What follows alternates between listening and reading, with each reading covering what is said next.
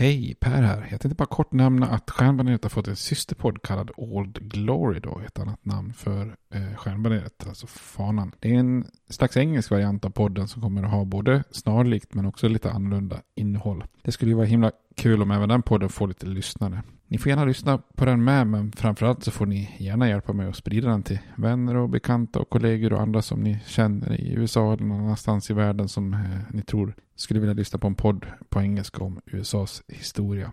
Tack, det var bara det jag ville säga. Nu kommer avsnittet. Hej då! Hiring for your small business? If you're not looking for professionals on LinkedIn, you're looking in the wrong place. That's like looking for your car keys in a fish tank. LinkedIn helps you hire professionals you can't find anywhere else, even those who aren't actively searching for a new job but might be open to the perfect role. In a given month, over 70% of LinkedIn users don't even visit other leading job sites. So start looking in the right place. With LinkedIn, you can hire professionals like a professional. Post your free job on linkedin.com slash people today. There's never been a faster or easier way to start your weight loss journey than with PlushCare. PlushCare accepts most insurance plans and gives you online access to board-certified physicians who can prescribe FDA-approved weight loss medications like Wigovi and Zepbound for those who qualify. Take charge of your health and speak with a board-certified physician about a weight loss plan that's right for you. Get started today at plushcare.com slash weight loss. That's plushcare.com slash weight loss. plushcare.com slash weight loss. Millions of people have lost weight with personalized plans from Noom, like Evan, who can't stand salads and still lost 50 pounds. Salads, generally, for most people, are the easy button, right? For me, that wasn't an option. I never really was a salad guy. That's just not who I am. But Noom worked for me. Get your personalized plan today at Noom.com. Real Noom user compensated to provide their story. In four weeks, the typical Noom user can expect to lose one to two pounds per week. Individual results may vary.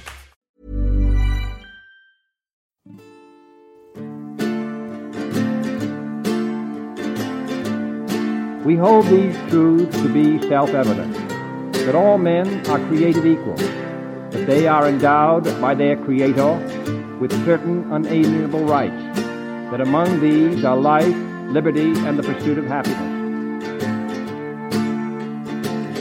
Now we are engaged in a great civil war, testing that government of the people, by the people, for the people, shall not perish from the earth.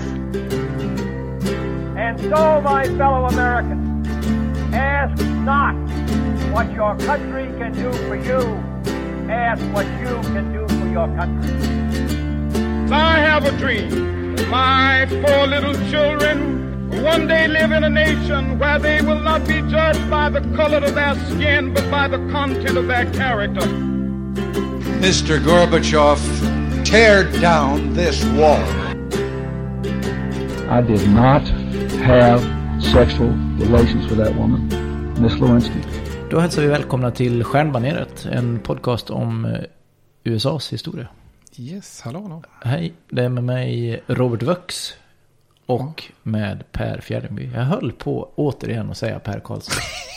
Men nu vet jag, nu, nu, nu säger jag Fjärdingby, eller jag tänker Fjärdingby. Men Jag har det är känt, varandra så länge. Ja, ja, det är så att jag tvekade en millisekund. Mm. Hur är läget? Det är fint.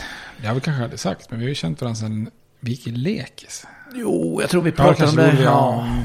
Så om det skulle dyka upp något som vi fnissar åt internt så kanske det är inte är så konstigt. Nej. Ja, Vad har vi kommit fram till idag? Det är den del 8 i eh, serien om inbördeskriget. ja jag tänkte säga, vilken del blir det? Jo, del jag sju eller del tror, åtta? jag tror jag är ganska säker på del 8. Det måste det bli. Ja. Uh, yes, vi... ehm, Vart var vi senast? Fortsätter vår eh, serie helt enkelt. Ja. Ehm, och senast så hade vi ju lite grann att konfederationen gick på offensiven på flera fronter.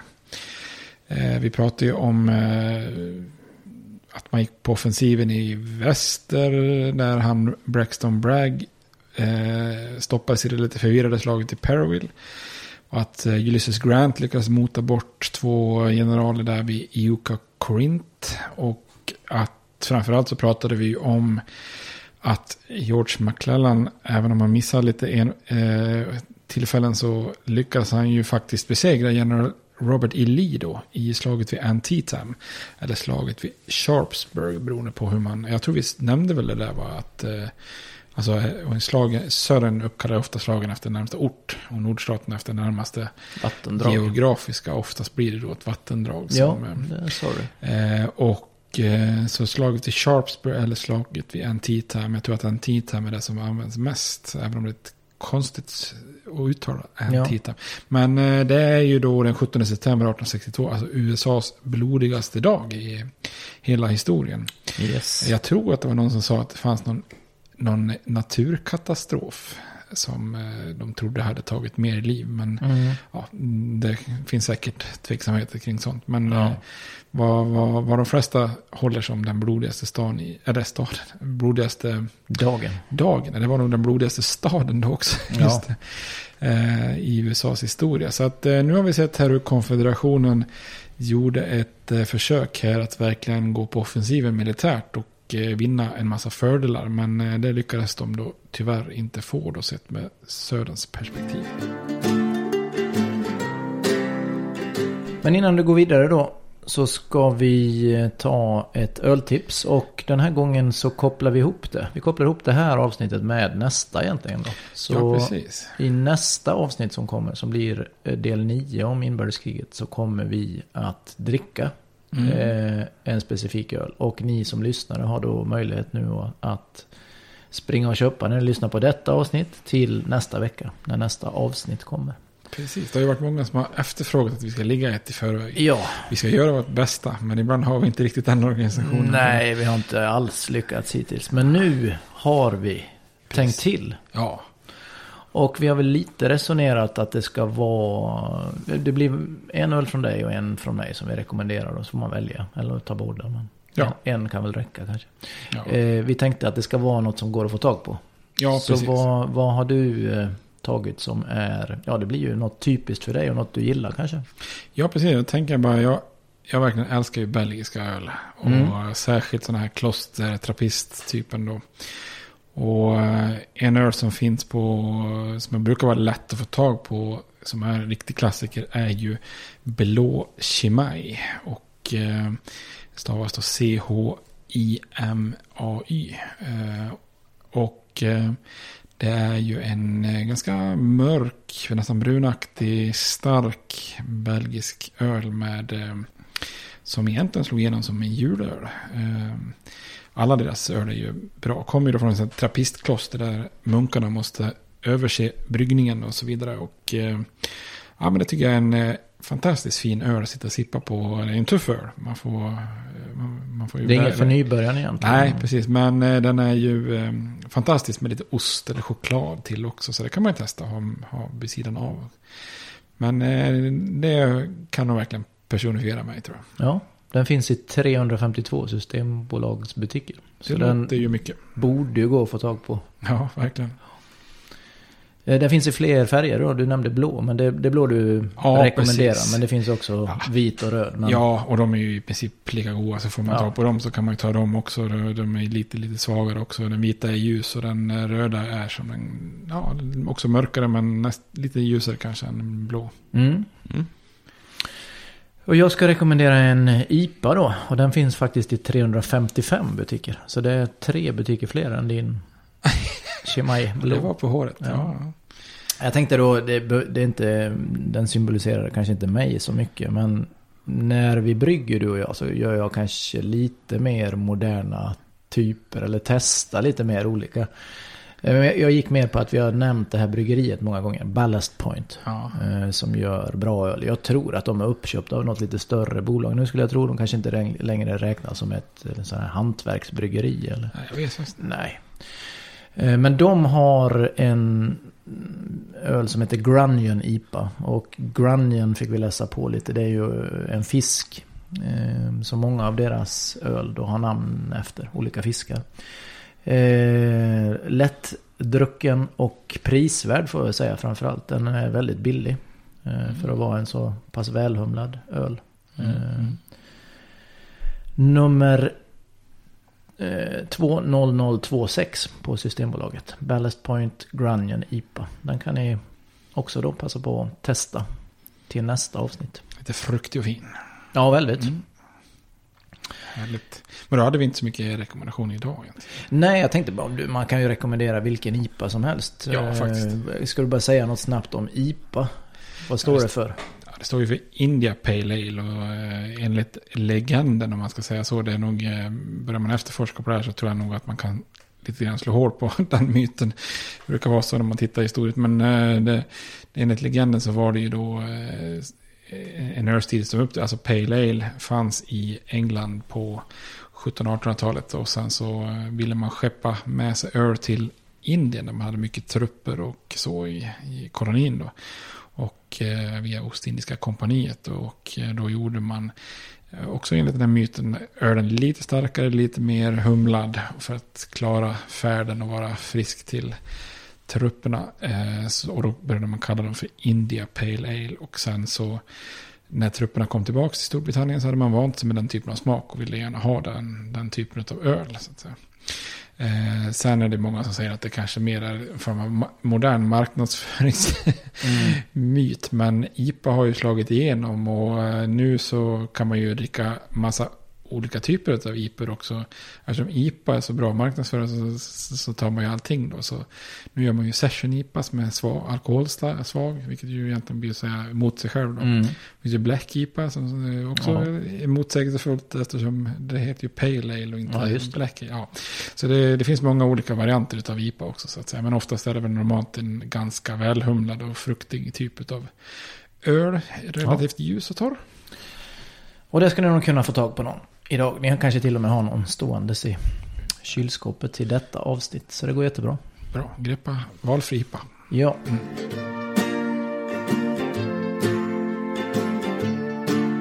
Vidare då. eh, som du nämnde så kommer det ju handla om eh, Lincolns proklam... Vad säger man? Pro, Proklamation. proklamation. Ja. Emancipation. Japp. Och det blir väl också en del slag. Men du ska få ta vid där. Vad händer här nu då? Efter eh, slaget vid Antietam. Nej, vad heter det? Ja, en titam. Ja, Ja. Mm.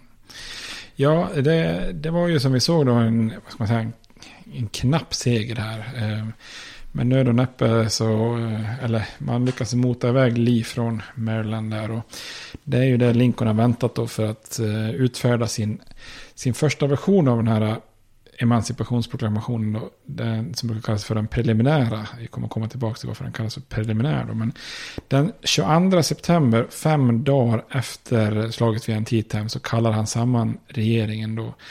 Och han säger till sina ministrar här att han har ingått en pakt med Gud, eh, Lincoln, att om armén drev fienden ut ur Maryland så ska han utfärda sin proklamation som har legat och väntat i eh, skrivbordslådan där.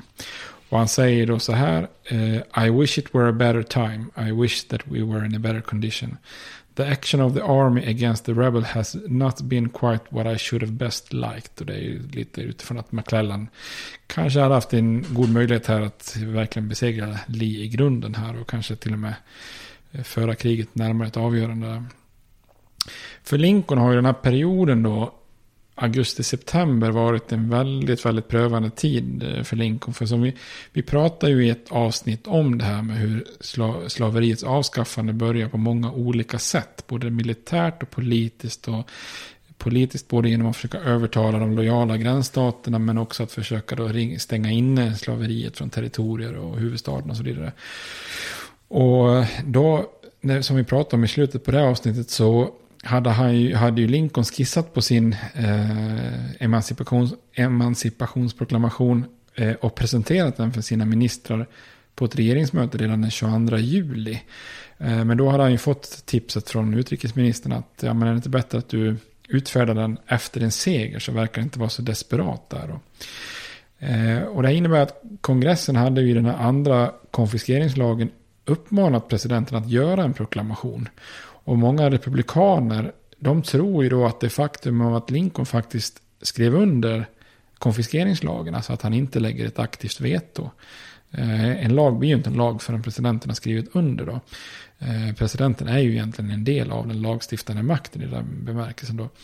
Eh, så att i och med att Lincoln skriver under den lagen så tror ju många att ja men då kommer han ju att utfärda sin proklamation här i juli också då. Så i augusti då är det ju många som börjar ifrågasätta sig. Men hallå, var, varför dröjer det så länge då? Eh, och de här lite mer ivriga kritikerna. De visste ju inte att Lincoln redan har faktiskt eh, bestämt sig. Men att han bara då helt enkelt lyssnat på det här rådet att avvakta en, en större seger då. Eh, och Lincoln, han, han gör ju inte saken bättre heller när han vid upprepade tillfällen under sensommaren lyckas vara sjukt otydlig i sin kommunikation då. Och det är ett tillfälle som är extra känt och det är hans svar till tidningsmannen Horace Greeley på New York Tribune. Eh, den 20 augusti så har han, Greeley, han är ju radikal då, han exploderar då av frustration i sin tidning. Och uppmanar presidenten att agera då i en artikel som eh, kallas The Prayers of 20 Millions. Som då anspelar på att invånarna i nordstaterna är 20 miljoner då. Att alla sitter nu och väntar på att presidenten ska agera i enlighet med konfiskeringslagen då. Att han ska verkställa den lagen han har skrivit under.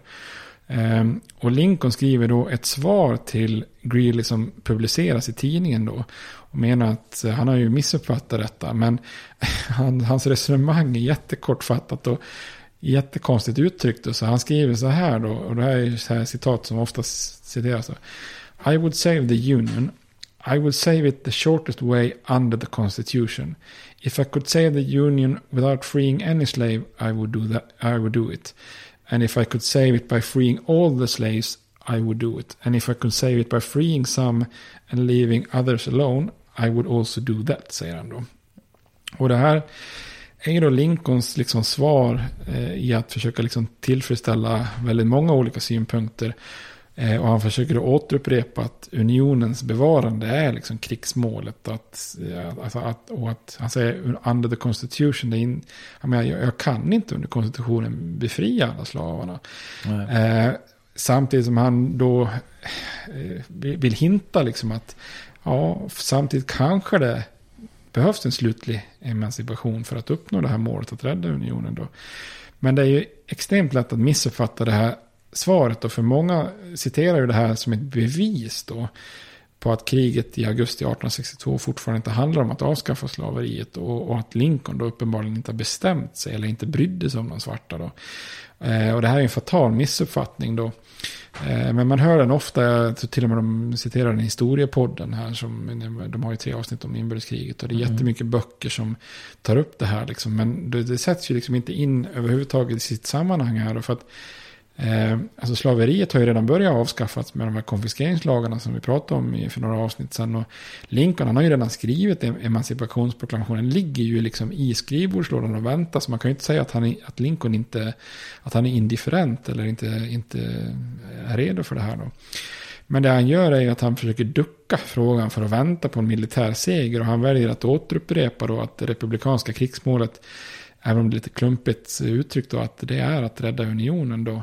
Eh, och han poängterar ju också att kriget alltid kommer att handla om att bevara unionen. Eh, slaveriets avskaffande är ju, är ju liksom en effekt av det. Eh, för det finns ju ingen republikan eller någon i det här laget som anser att den federala makten enligt med konstitutionen kunde ha som krigsmål att eh, avskaffa slaveriet. Därför han säger så, I would save it under the constitution som man säger. Och man kan inte heller dumförklara Lincoln genom att ta honom på ordet för att bevara unionen utan att befria någon slav. Alltså, det är ju omöjligt för tiotusentals slavar har ju redan befriats liksom, när mm. Lincoln skriver det. Och det vet han ju. Det är ju han som har stått för policyn och skrivit under lagar som har varit eh, som har gett den militära emancipationen för ganska många tusen slavar i det här laget. Då. Och att befria unionen genom eller bevara unionen genom att befria alla slavar, det är inte heller någonting som Eh, är möjligt och som man poängterar här att enligt konstitutionen då eh, så har han inte rätt att befria slavarna i de här lojala slavstaterna, de som inte har gjort uppror. Där kan han inte avskaffa slaveriet då. Eh, och där, där, får han ju rätt. Alltså, när kriget slutar så är ju inte alla slavarna befriade. Utan slavarna i Kentucky och Delaware de frias inte förrän 13 tillägget till konstitutionen går igenom efter kriget 1865. Då. Eh, så att det här är ju ett Eh, ett citat som oftast tas men som är väldigt förvirrat. Liksom sådär. Och en annan sak som förvirrat många det är att Lincoln utfärdat två emancipationsförklaringar. Då en preliminär i september efter slaget vid Antietam och sen då en, en eh, permanent eller slutlig från 1 januari 1863. Och det är ju heller inte konstigt för att det här mandatet som man har fått i konfiskeringslagen, det är ju att man då ska ersätta den juridiska processen som den lagen först etablerar med en allmän proklamation. Men då måste också man varna minst 60 dagar innan att alla som inte lägger ner vapen om 60 dagar då kommer, kommer vi att försöka befria era slavar då.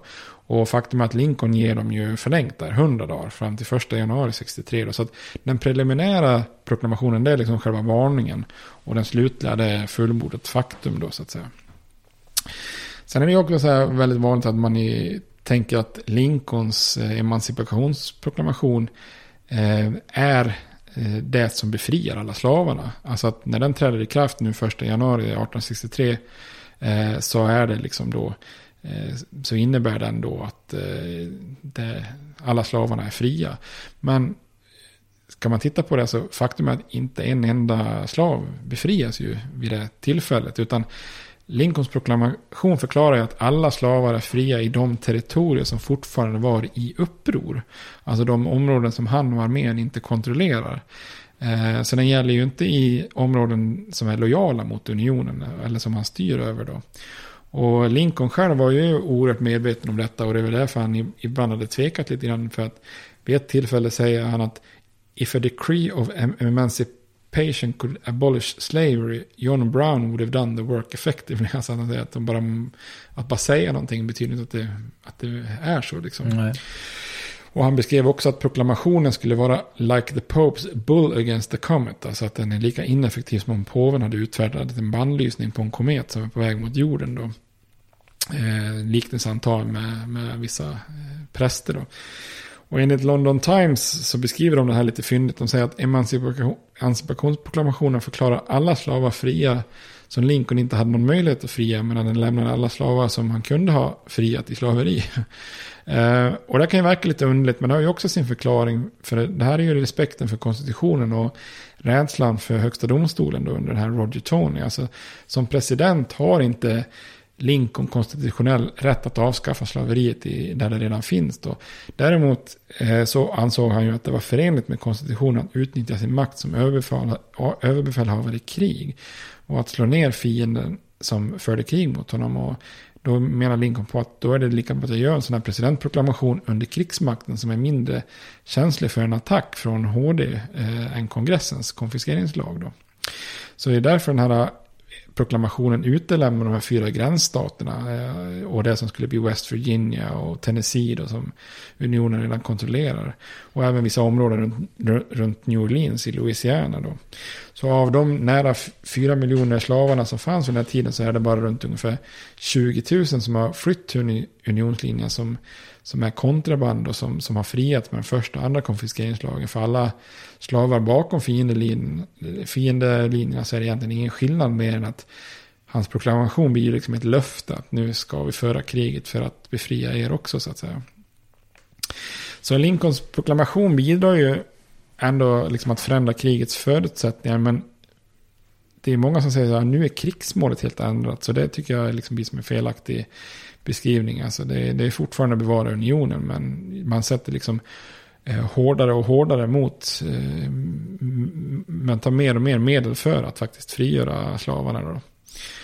Eh, och man brukar ibland skriva, beskriva Lincolns proklamation som liksom starten på någonting. Att från och med nu så är slaveriet avskaffat. Men sen vi har sett då så är det ju snarare kulmen på en massa åtgärder som tas för att avskaffa slaveriet. Då. Och den här proklamationen är dessutom långt ifrån den sista då, eftersom det är först med det trettonde tillägget som, som efter kriget som slaveriet helt avskaffas. Men ibland är det ungefär som i många böcker som att bara Lincoln liksom nu har utfärdat den här proklamationen, då är slavarna fria och mm. punkt liksom så att säga. Så att eh, så det är snarare liksom en eh, slags eh, start på att eh, nu ska man inte kompromissa och vara skon, skonsamma mot södern. Nu är det ingen återvändo utan nu är det det hårda kriget som kommer bli kännbart för civilbefolkningen i söder då. Och det som är riktigt revolutionärt egentligen med Lincolns proklamation just nu då, det är ju inte att den befriar slavar, för det gör den ju inte, utan det är ju att den möjliggör för afroamerikaner att ta värvning i unionens arméer. Eh, och vi kan prata, prata mer om det senare, men det är ju egentligen den största praktiska men eh, följden av proklamationen. Men det är inte så många som pratar om det oftast, utan man pratar mer om slavarnas frigörelse. Mm. Mm-hmm. Vill du säga något mer om den här proklamationen? Eller vill du gå över till själva eh, slagfältet igen då. Man kan ju nämna lite grann hur den, eh, hur den välkomnas, proklamationen, Mm. tänker jag. Södern kan man ju tänka sig är väl väldigt eh, irriterad över detta. Och det kanske enar dem mer då, eller? Ja, faktiskt. Det, det, det är som du säger, det, reaktionerna är inte så svåra att räkna Nej. ut.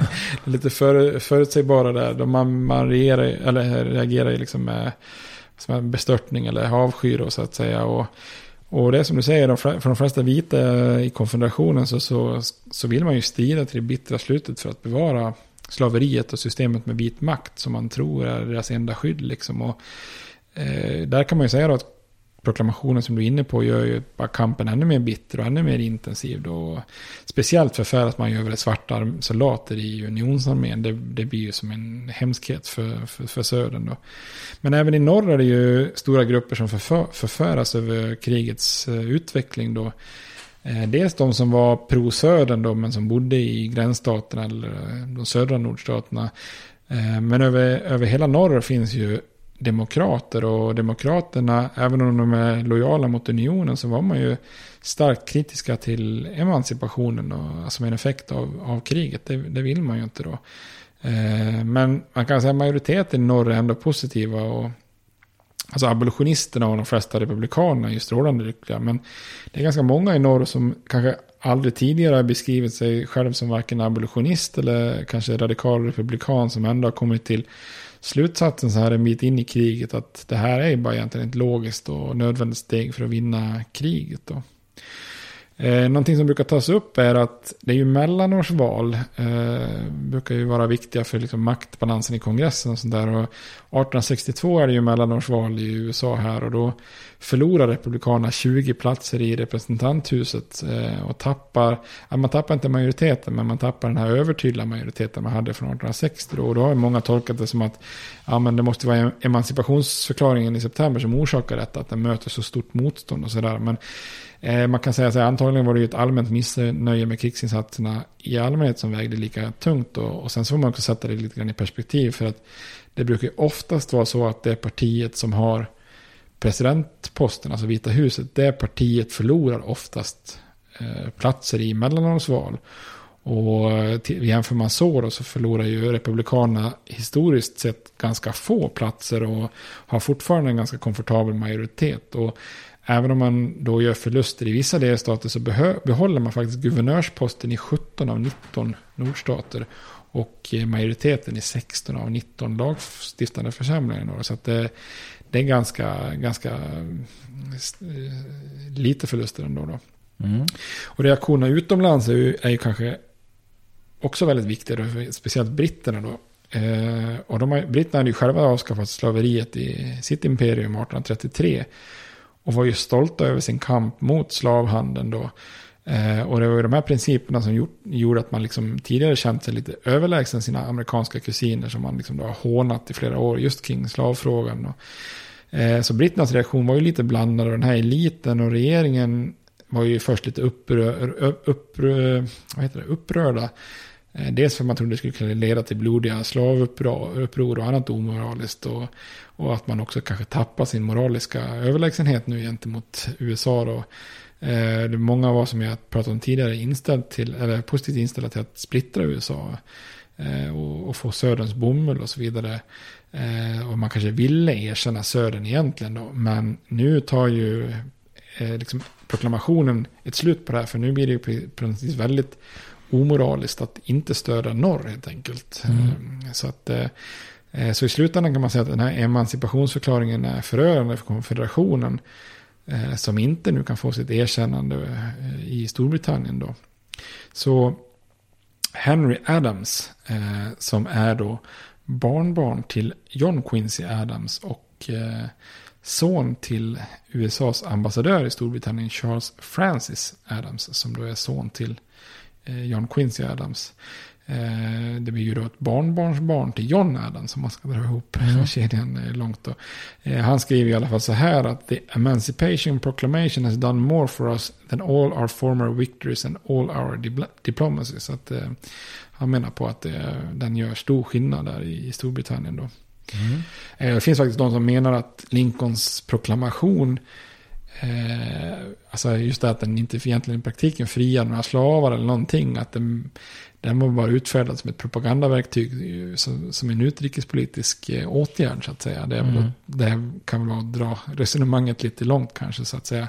Men man kan inte komma ifrån att proklamationen i september där slår lite grann spiken i kistan för, för att faktiskt eh, Södern inte kan vinna något eh, diplomatiskt erkännande där helt enkelt.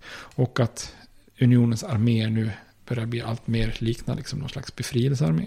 Ja. Men det var proklamationen där. En viktigt, eh, viktig del av kriget. Det här med att avgöra hur, hur och när och var man ska eh, sätta tänderna i slaveriet. ja.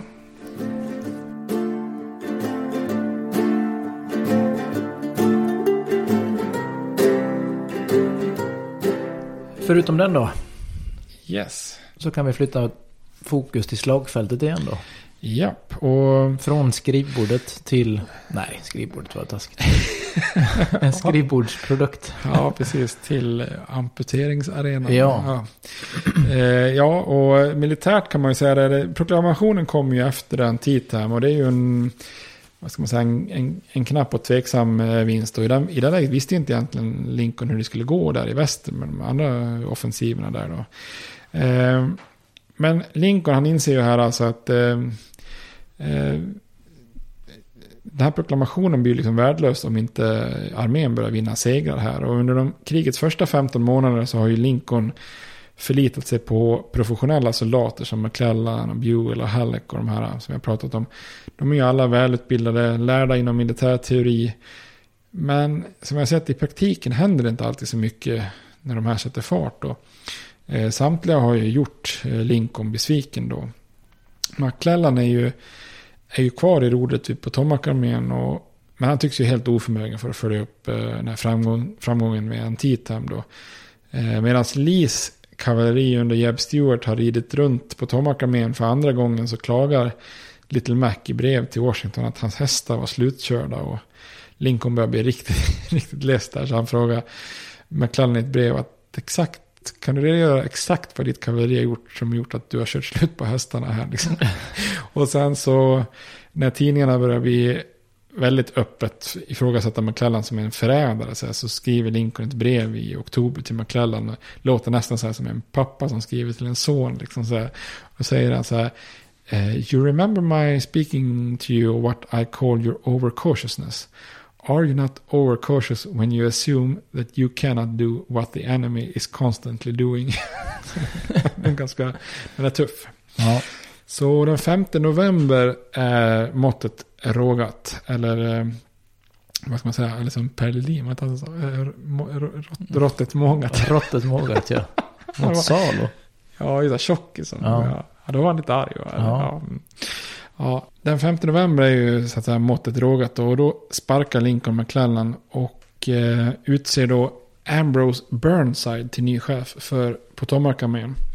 Och den här Burnside, han har vi pratat många om, men Mm. han blir ju han med de härliga polisongerna. Han fick en egen bild i sociala medier, jag tyckte han förtjänade det. Ja, just det.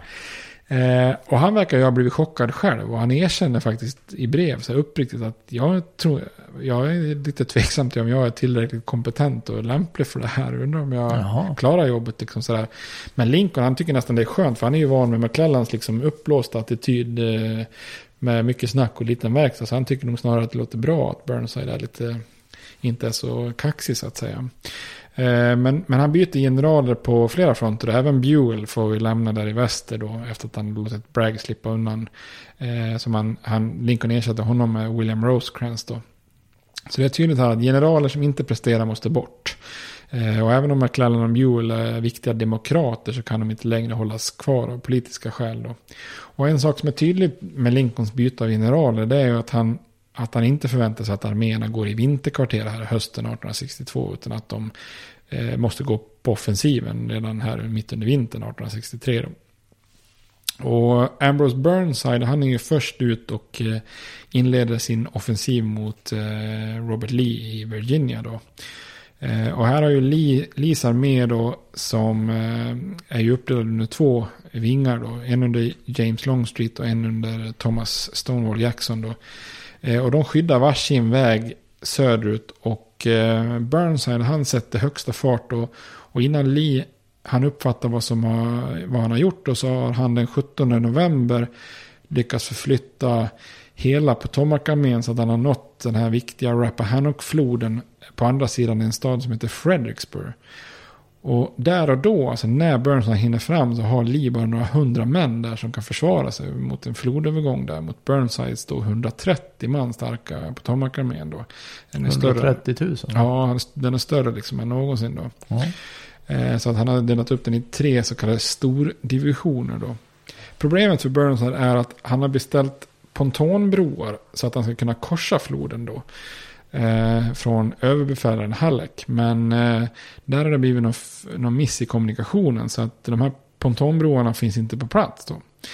Så medan Burnside sitter där på andra sidan floden och väntar då så börjar Lee samla sin armé då. Så först kommer Longstreets halva av armén och intar höjderna precis söder om Fredericksburg. Och sen så fyller Jackson på och tar en, en position höger om honom då. Och då har helt plötsligt Lee 70 000 man eh, där på de här höjderna som är en otroligt stark position söder om sta staden. Då. Eh, och då kan man ju tänka sig att Burnside borde ha tänkt så här, okej, okay, detta fungerar inte, nu får jag hitta på någonting nytt här nu. Eh, men det gör han inte, utan det är som att han har bestämt sig för att jag ska söderut här. Eh, det har inte gått enligt plan, men det skiter jag i. Eh, han rättar liksom inte kartan efter verkligheten. Och han verkar liksom tänka att nej, men kanske Lee blir mest överraskad om jag faktiskt korsar floden här vid Fredricksburg och, och anför honom här. Och Lee, Lee, man får nog säga att Lee blir nog överraskad men mest i positiv, positiv bemärkelse då. Eh, så den 11 december så kommer de här broarna och han börjar då göra en flodövergång här som är väldigt förödande. För Lee har ju placerat en massa prickskyttar i den här gamla stan som, som då skjuter av folket som börjar bygga bron. Så till slut måste Burnside beordra kanonerna och helt enkelt förstöra den här gamla koloniala staden då för att eh, kunna bygga de här broarna. Det är väldigt fint. Eh, fint. Man kan besöka Fredriksburg idag, det är ganska trevligt. Mm. Har du gjort det? Ja. Uh -huh. Men när armén då har korsat Rappahannock-floden då så kunde ju då Burnside inleda slaget vid Fredricksburg den 13 december. Eh, och först anfaller Burnside Lees höger under, under Stonewall Jackson då, men mest som en avledning. För runt 11 på förmiddagen så kommer huvudanfallet då mot eh, Marys Heights, som de heter, höjderna söder om staden då. Och här är ju då Lees position kanske en av de starkaste under hela kriget. För att unionssoldaterna behöver då anfalla rätt upp för en brant sluttning. Det är helt öppet. Eh, utan det de kan bara, de får gå där under mördande eld från Lis artilleri då. Och de få anfall som nådde krönet då, de möts av eld från soldater som kan ta beskydd bakom en stenmur. För det löper en stenmur längs med hela, hela krönet liksom sådär. Eh, och man, om man besöker platsen idag så kan man ju förstå liksom att ja, men står jag här med ett gevär och någon ska anfalla upp där. Det var, jag, jag har hyfsat, eh, hyfsat överläge här uppe. Liksom så. De hade inte bara Stonewall Jackson utan de hade Nej. också Stonewall. Fyndigt. Ja. ja, faktiskt. Fast det, det luriga är ju att det är ju, ja faktiskt, det, men, men det är ju en bra liknelse. det var ju Longstreets Ja. Som har den Stonewall. Sen ja. har de ju en annan Stonewall. Ja, där, där muren tar slut. Ja, ja. det är bra. Men en, eh, den är så stark den positionen så att en artilleriofficer i Lis armé säger så här innan slaget. Då, A chicken could not live on that field when we open on it. Så att han är ganska, han har riggat kanonerna och är ganska självsäker kan man säga. Eh, men Burnside han är så här helt eh, bara kör på. Så han skickar, under flera timmar så skickar han fram brigad efter brigad upp mot Lees position då. Totalt blir det 16 anfall. Och de här soldaterna från norr, visa, norr visade enormt mod och bara forsar upp för den här slanten hela tiden. Men de slås ju liksom i spillror då. Och de få som överlever blir oftast liksom kvar på sluttningarna. Där man liksom får gömma sig bakom lik av sina kamrater och sånt där. Då. Så det blir en enorm slakt på den här Potomac-armén då. Det den 19 Massachusetts är ett regemente som anfaller.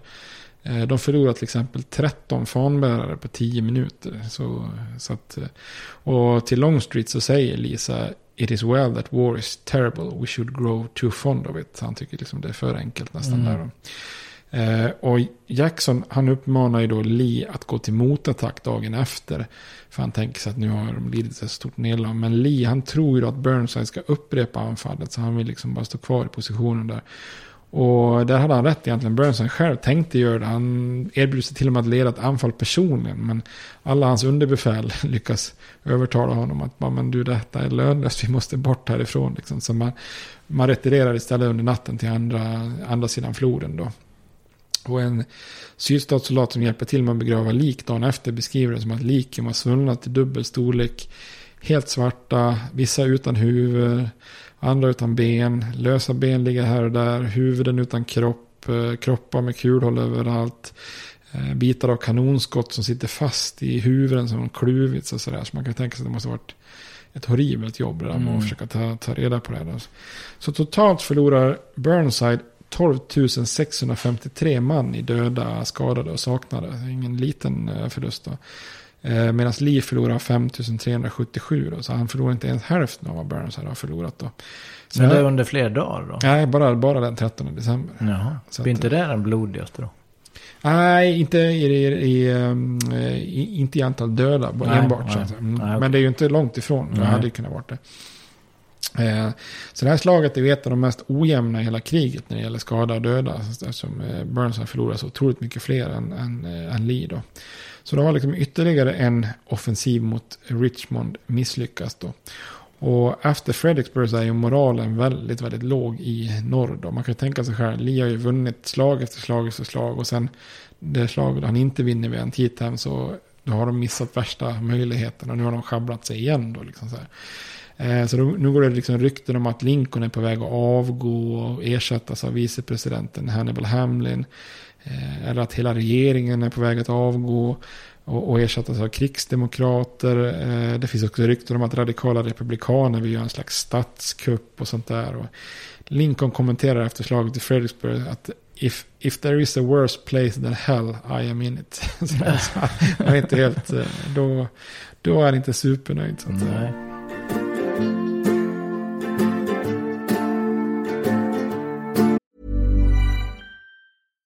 How would you like to look five years younger? In a clinical study, people that had volume added with Juvederm Voluma XC in the cheeks perceived themselves as looking five years younger at six months after treatment. Look younger, feel like you. Add volume for lift and contour in the cheeks with Juvederm Voluma XC. Reverse signs of aging by adding volume to smooth laugh lines with Juvederm Volure XC. For important safety information and to find a licensed specialist, visit juvederm.com. That's J U V E D E R M.com. Not for people with severe allergic reactions, allergies to lidocaine, or the proteins used in Juvederm. Common side effects include injection site redness, swelling, pain, tenderness, firmness, lumps, bumps, bruising, discoloration, or itching. There's a risk of unintentional injection into a blood vessel, which can cause vision abnormalities, blindness, stroke, temporary scabs, or scarring. Talk to a licensed specialist to find out if it's right for you. I'm Sandra, and I'm just the professional your small business was looking for. But you didn't hire me because you didn't use LinkedIn jobs. LinkedIn has professionals you can't find anywhere else, including those who aren't actively looking for a new job but might be open to the perfect role, like me. In a given month, over 70% of LinkedIn users don't visit other leading job sites. So if you're not looking on LinkedIn, you'll miss out on great candidates like Sandra. Start hiring professionals like a professional. Post your free job on linkedin.com/people slash people today.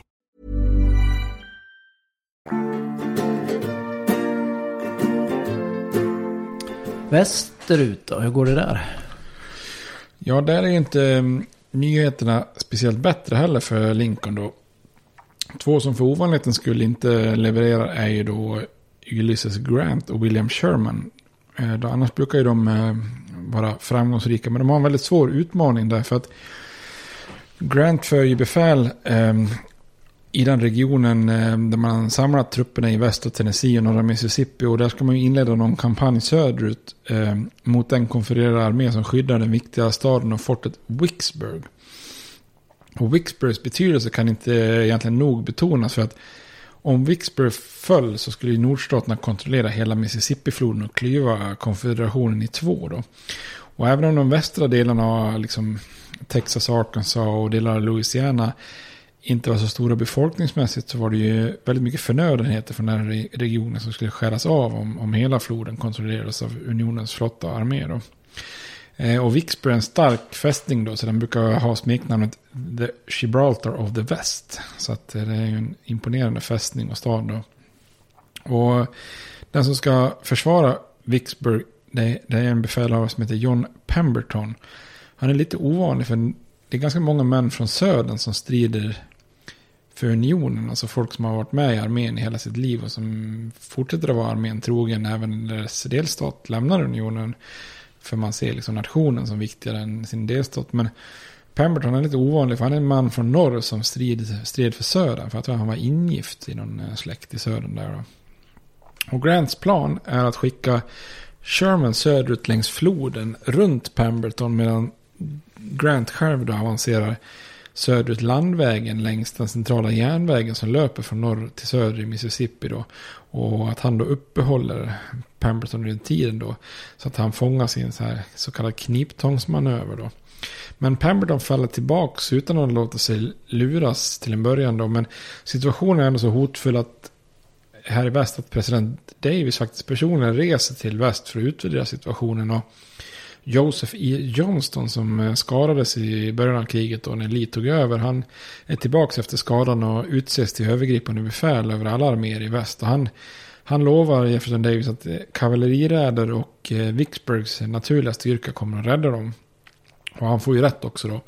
För först så skapar den här ökända Nathan Bedford Forrest eh, kaos i västra Tennessee genom en skicklig skickligt utfärd räd då. Vi kommer att prata mer om han, men Forrest han är ju eh, ökänd. Eh, han är en, av, en av de som grundar KKK efter eh, kriget då. Mm. Och han är... Han är väl även då, det är inte på riktigt, men i filmen Forrest Gump så har väl han fått sitt namn Forrest efter just den här Forrest. Att de ska vara släkt då. Jaha, okej. Okay. Ja, han blir ju i alla fall organisationens första Grand Wizard kanske inte så kul att vara namngivd efter. Nej, nej, nej. Eh, sen så slår ju också då den här Earl van Dorn som jag pratade om tidigare med, till med ytterligare en räd mot eh, Grants försörjningsbas vid Holly Springs då, i slutet av december. Och de här räderna gör att Grant han får ingen försörjning så han måste avbryta sin offensiv och vända norrut. Då.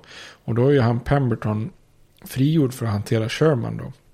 Och Sherman han har ju haft sina trupper ombord på båtar på väg söderut ner till Vicksburg. Och den 27 december så anlände han till Mississippiflodens östra flodbank då några kilometer norr om Vicksburg.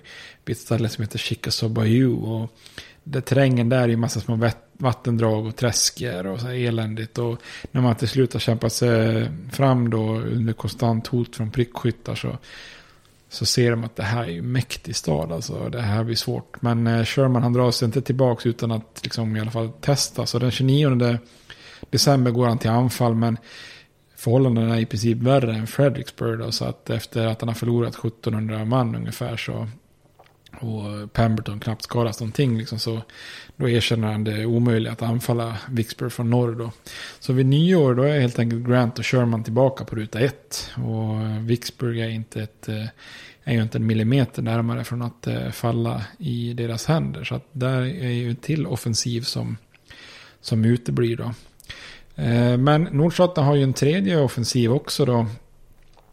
Samtidigt här i slutet av december 1862. Det William Rosecrans då som har, Rosecrans har order om att gå till anfall mot din favorit Braxton Bragg. Mm. Um, som befann sig i staden Murfreesboro i Tennessee då.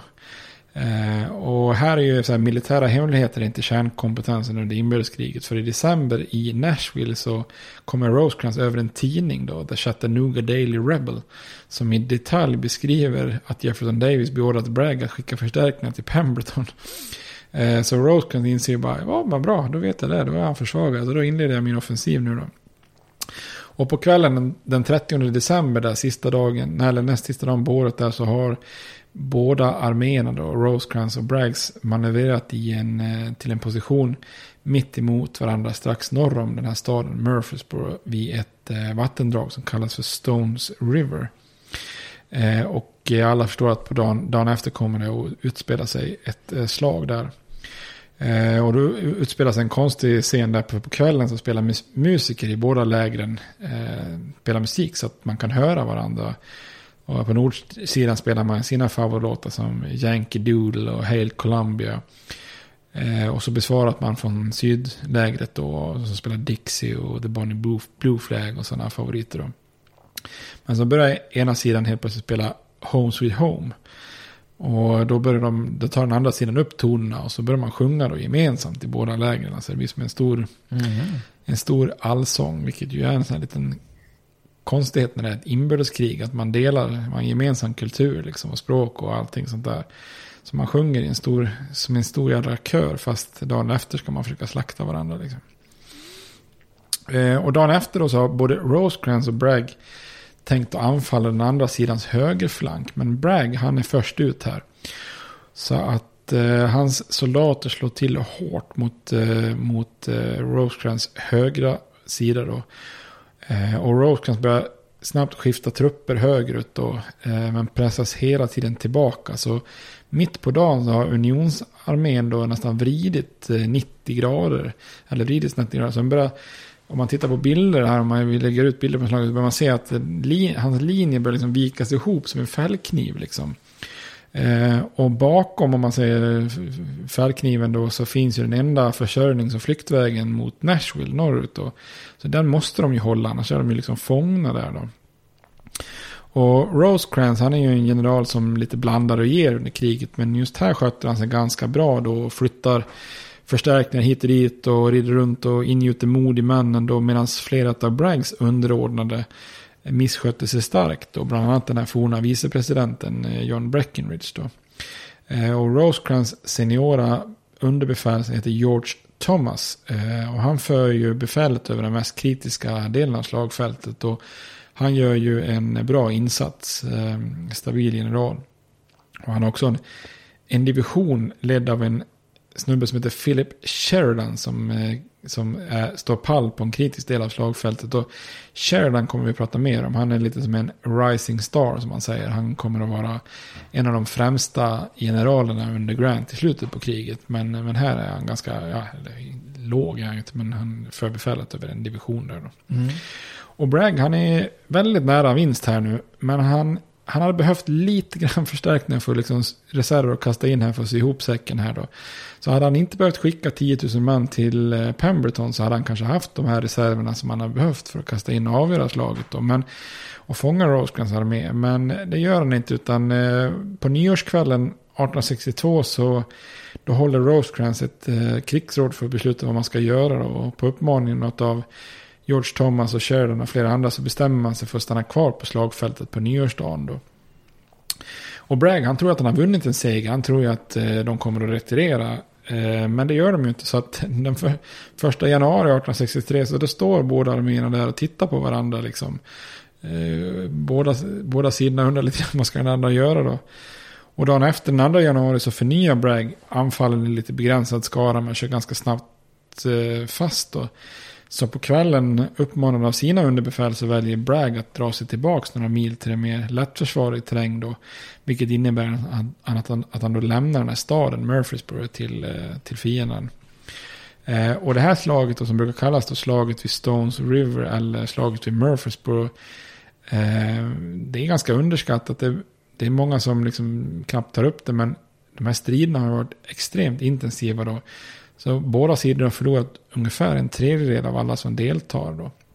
Så det är en procentuell andel som är värre än något annat slag under hela kriget. Då. För av, av 41 000 man förlorar Rosecrans nästan 13 000 då i skadade och döda och för, eh, vad heter det, saknade. Medan Bragg då utav 35 000 man förlorar nästan 12 000. Så det är hisnande proportioner. De har verkligen slagits till till sitt yttersta liksom, energireserv om man säger så. Mm. Eh, och det är lite konstig utgång här för Rosecrans har ju liksom vunnit en seger genom någon slags eh, default här. Alltså att genom att inte förlora och sen stanna kvar längre på slagfältet än sin motståndare så har han liksom vunnit segern då. Eh, och allt han har vunnit egentligen är ju ungefär fem mil terräng i staten Tennessee då. Så det är inte, det är inte så här att det är ett jätteimponerande resultat av det här slaget egentligen. Så då. Men Men Lincoln han är oerhört glad för den här segern då. I det här skedet av kriget. Därför att nu har ju moralen i norr blivit ganska låg då efter alla förluster. Så att eh, efter det här vidriga Fredericksburg då. Eh, och efter att eh, Vicksburg inte går att anfalla så. Då är ju Stones River goda nyheter i förhållande då. Och i ett telegram till Rosecrans senare under kriget så skrev Lincoln så här. I can never forget whilst I remember anything that about the end of last year and the beginning of this you gave us a, a hard earned victory which had there been a defeat instead the country scarcely could have lived over. Så att han, han är rätt eh, pressad där Lincoln liksom. Så att mm. han är glad över den här eh, segern då.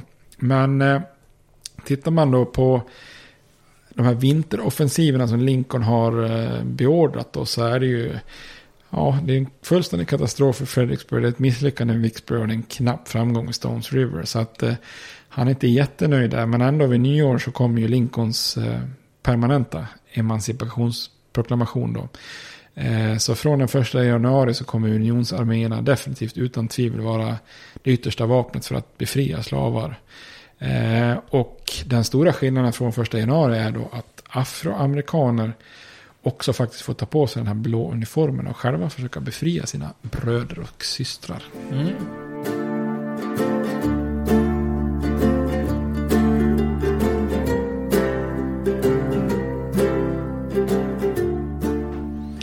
Det för oss in på filmen.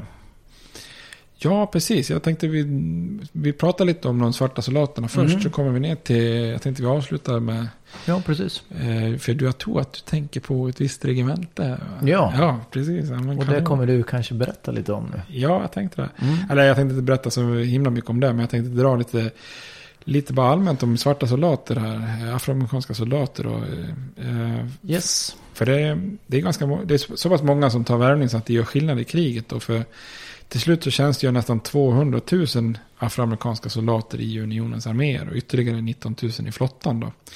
Så det innebär att ungefär 10% av alla män i uniform i norr är afroamerikaner. Då.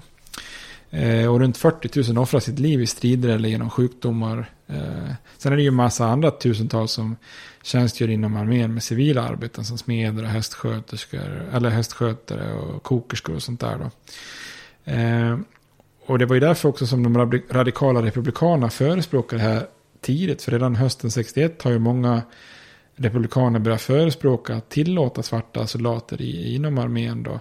För om slavar kan fly och, och, och befrias av unionsarméerna då är det ganska logiskt att ta det här steget att låta dem strida för att för unionen och hjälpa till och eh, befria fler slavar. Då. Och det afroamerikanska samfundet inom det så var det ju många som hoppades på att det här skulle leda till större rättigheter och jämlikhet i norr då. Så Frederick Douglass, som vi har citerat några gånger tidigare, den här före detta förrymda slaven då. Han säger så här att de svarta fick a musket on his shoulder and bullets in his pockets. And there is no power on earth which can deny that he has earned the right to citizenship. Tyvärr är ju dock rasismen väldigt djupt rotad. Så att eh, här får han ju lite fel då. Eh, och det är likadant faktiskt med flera krig. Vi kommer komma till det sen senare i historien, alltså även första och andra världskriget, så hoppas ju många afroamerikaner att har vi visat liksom att vi kan strida för, för USA eh, i armén så borde vi väl också få fullständiga rättigheter i, liksom i, i medborgarrättskampen. Men det kommer ju liksom långt efter andra världskriget. Då. Ehm, och det är ju väldigt mycket fördomar då mot soldat, eh, svarta soldater i norr. Då. Inom armén är det ju väldigt många som bara vill använda dem för att bemanna garnisoner och stationer och andra ställen bakom fronten så att liksom vita män kan sköta det riktiga stridandet. Det svarta kan man inte lita på liksom så. Mm. Eh, det är lite så här som att låta barn vara i fronten ungefär. Resonerar man då. Och man diskrimineras redan från start också då. Eh, det är ju segregerade enheter så man, man blandar inte svarta och vita regementen utan det får vara renodlade svarta regementen. Och är man, är man afroamerikan så kan man inte bli officer på en hög nivå. Eh, det är alltid eh, vita män bland toppbefälen till exempel. Då. Och sen är det lustigt för lönemässigt så ska afroamerikanska soldater tjäna 10 dollar i månaden. Och från det så drar man 3 dollar för kläder. Så i praktiken så tjänar man 7 dollar. Eh, jämfört med vita soldater som tjänar 13 dollar i månaden och då är det inget klädavdrag. Så det är liksom som, ungefär som att svarta skulle slita hårdare på kläderna. Det är märkligt. Så.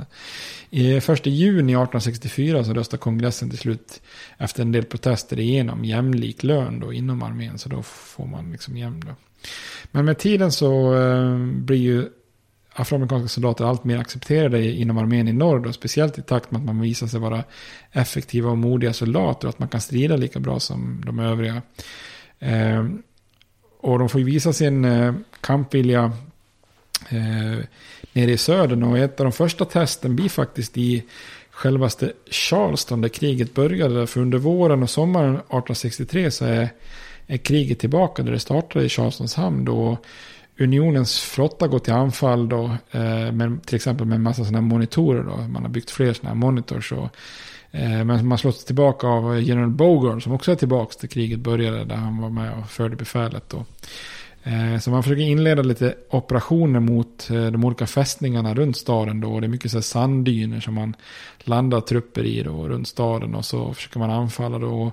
Den 18 juli 1863 så anfaller man Fort Wagner. Den, och den enheten som anföll först är, är ju den 54 Massachusetts. Som det då också finns en film om. Och det som är speciellt med den 54 Massachusetts är ju att det rekryteras väldigt snabbt. Alltså redan i januari 1863 så är det ju ett av de allra första svarta regementena då. Och det är ju en massa sådana framstående abolitionister som har varit involverade. Då, bland annat Fredrik Douglass då. Och förberett så att man kan eh, lansera det här regementet väldigt snabbt när proklamationen går igenom då. Och eftersom man inte tillåter svarta befäl så är, utser man ju då eh, eh, Eh, en guvernör, Robert Gould Shaw, som överste. Och han, Shaw kom ju från en fin Boston-familj där Både mamman och pappan har varit eh, ledande abolitionister då. Och 54 Massachusetts blir ju berömt då när de anfaller Fort Wagner och lider stora förluster. Han Shaw dör ju själv också så att säga. Och även om anfallet misslyckas så är det ju ett jättebra bevis på att svarta soldater kan vara minst lika tappra som, eh, som vita soldater. Då.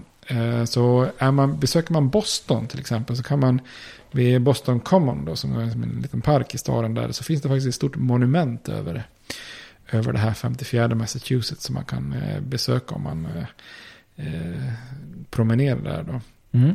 Jämfört med södern då, alltså svarta soldater är ju, var ju verkligen en revolution och i södern är det ju deras värsta mardröm. Så i söder reagerar man med avsky då Eh, och tyvärr både vad man säger och hur man agerar. Då. Eh, Jefferson Davis beskrev beväpning av svarta soldater som, som många då var ex-slavar som en av de värsta åtgärderna i krigshistorien. Så hårt tyckte han det var då. Eh, och Davis gick ju ganska snabbt ut med en order om att om svarta soldater och deras befäl tillfångatas då ska lokala myndigheter behandla dem som om de vore kriminella och straffas på samma sätt som vilken civil som helst som försöker starta ett slavuppror, alltså med döden. Ungefär som John Browns uppror då.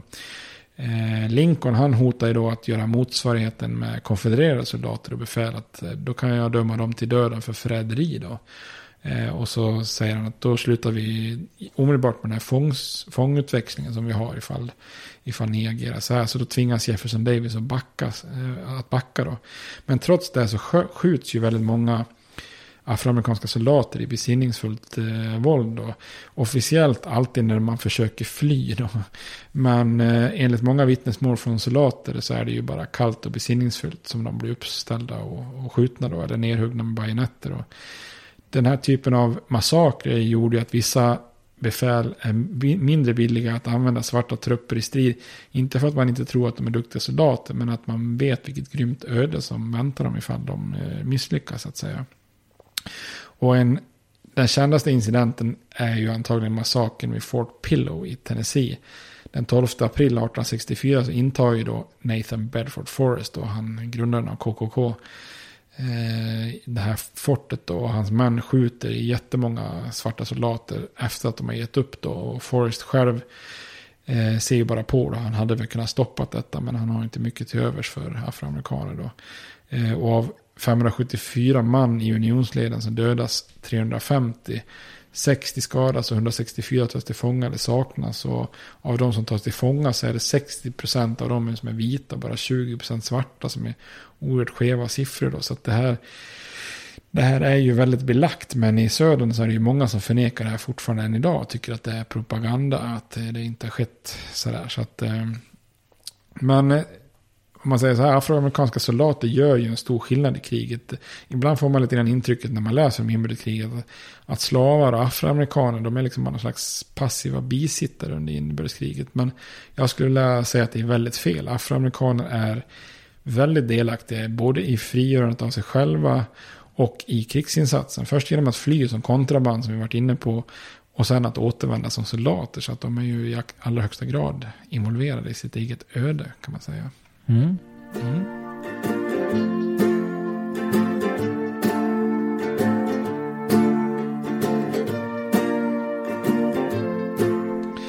Yes. Jag tycker du gick igenom, det verkar ju som att filmen också då följer Jag tror den är ganska... historien. Ja. Du nämnde ju han Shaw, hette han väl, befälhavaren, eller kaptenen för det här regementet. Ja, vad var det? Vem är det som spelar han nu igen? Eh, Matthew Broderick heter han. det, så ja.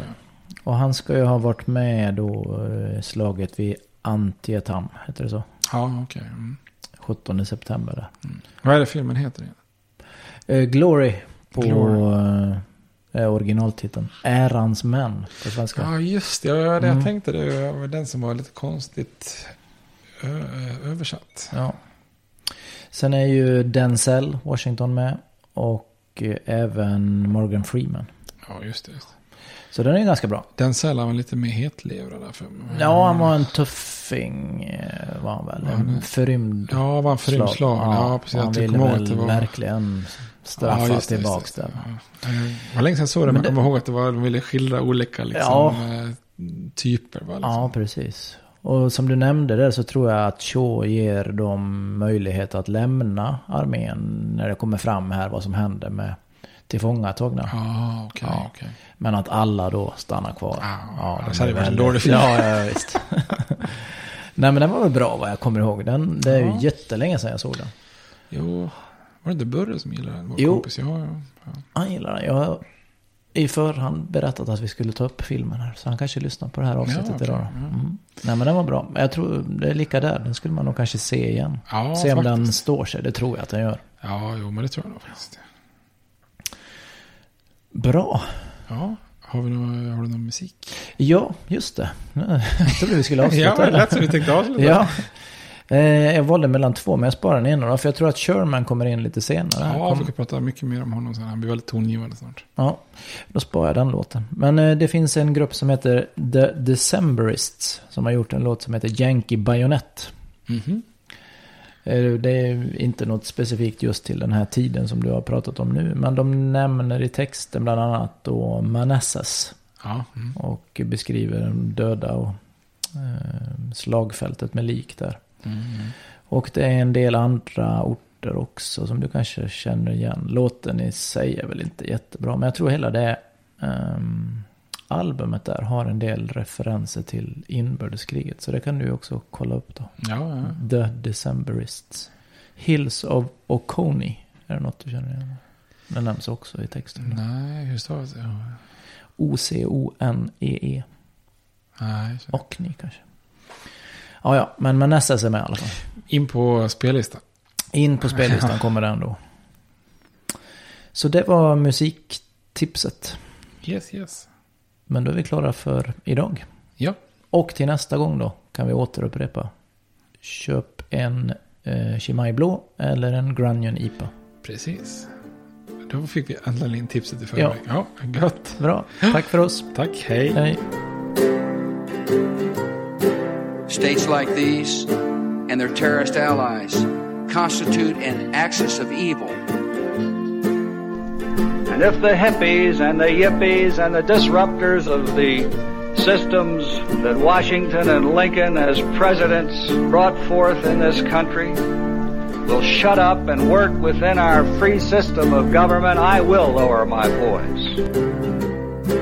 if the impeachment provision in the Constitution of the United States will not reach the offenses charged here, then perhaps that 18th century Constitution should be abandoned to a 20th century paper shredder. Therefore, I shall resign the presidency effective at noon tomorrow.